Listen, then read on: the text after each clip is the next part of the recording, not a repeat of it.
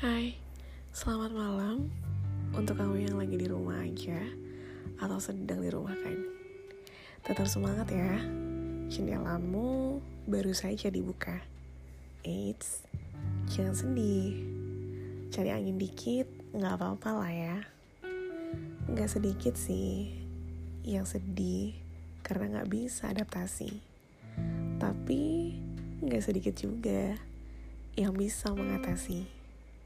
Jadi, sekali lagi, tetap positif karena kamu tidak sendiri.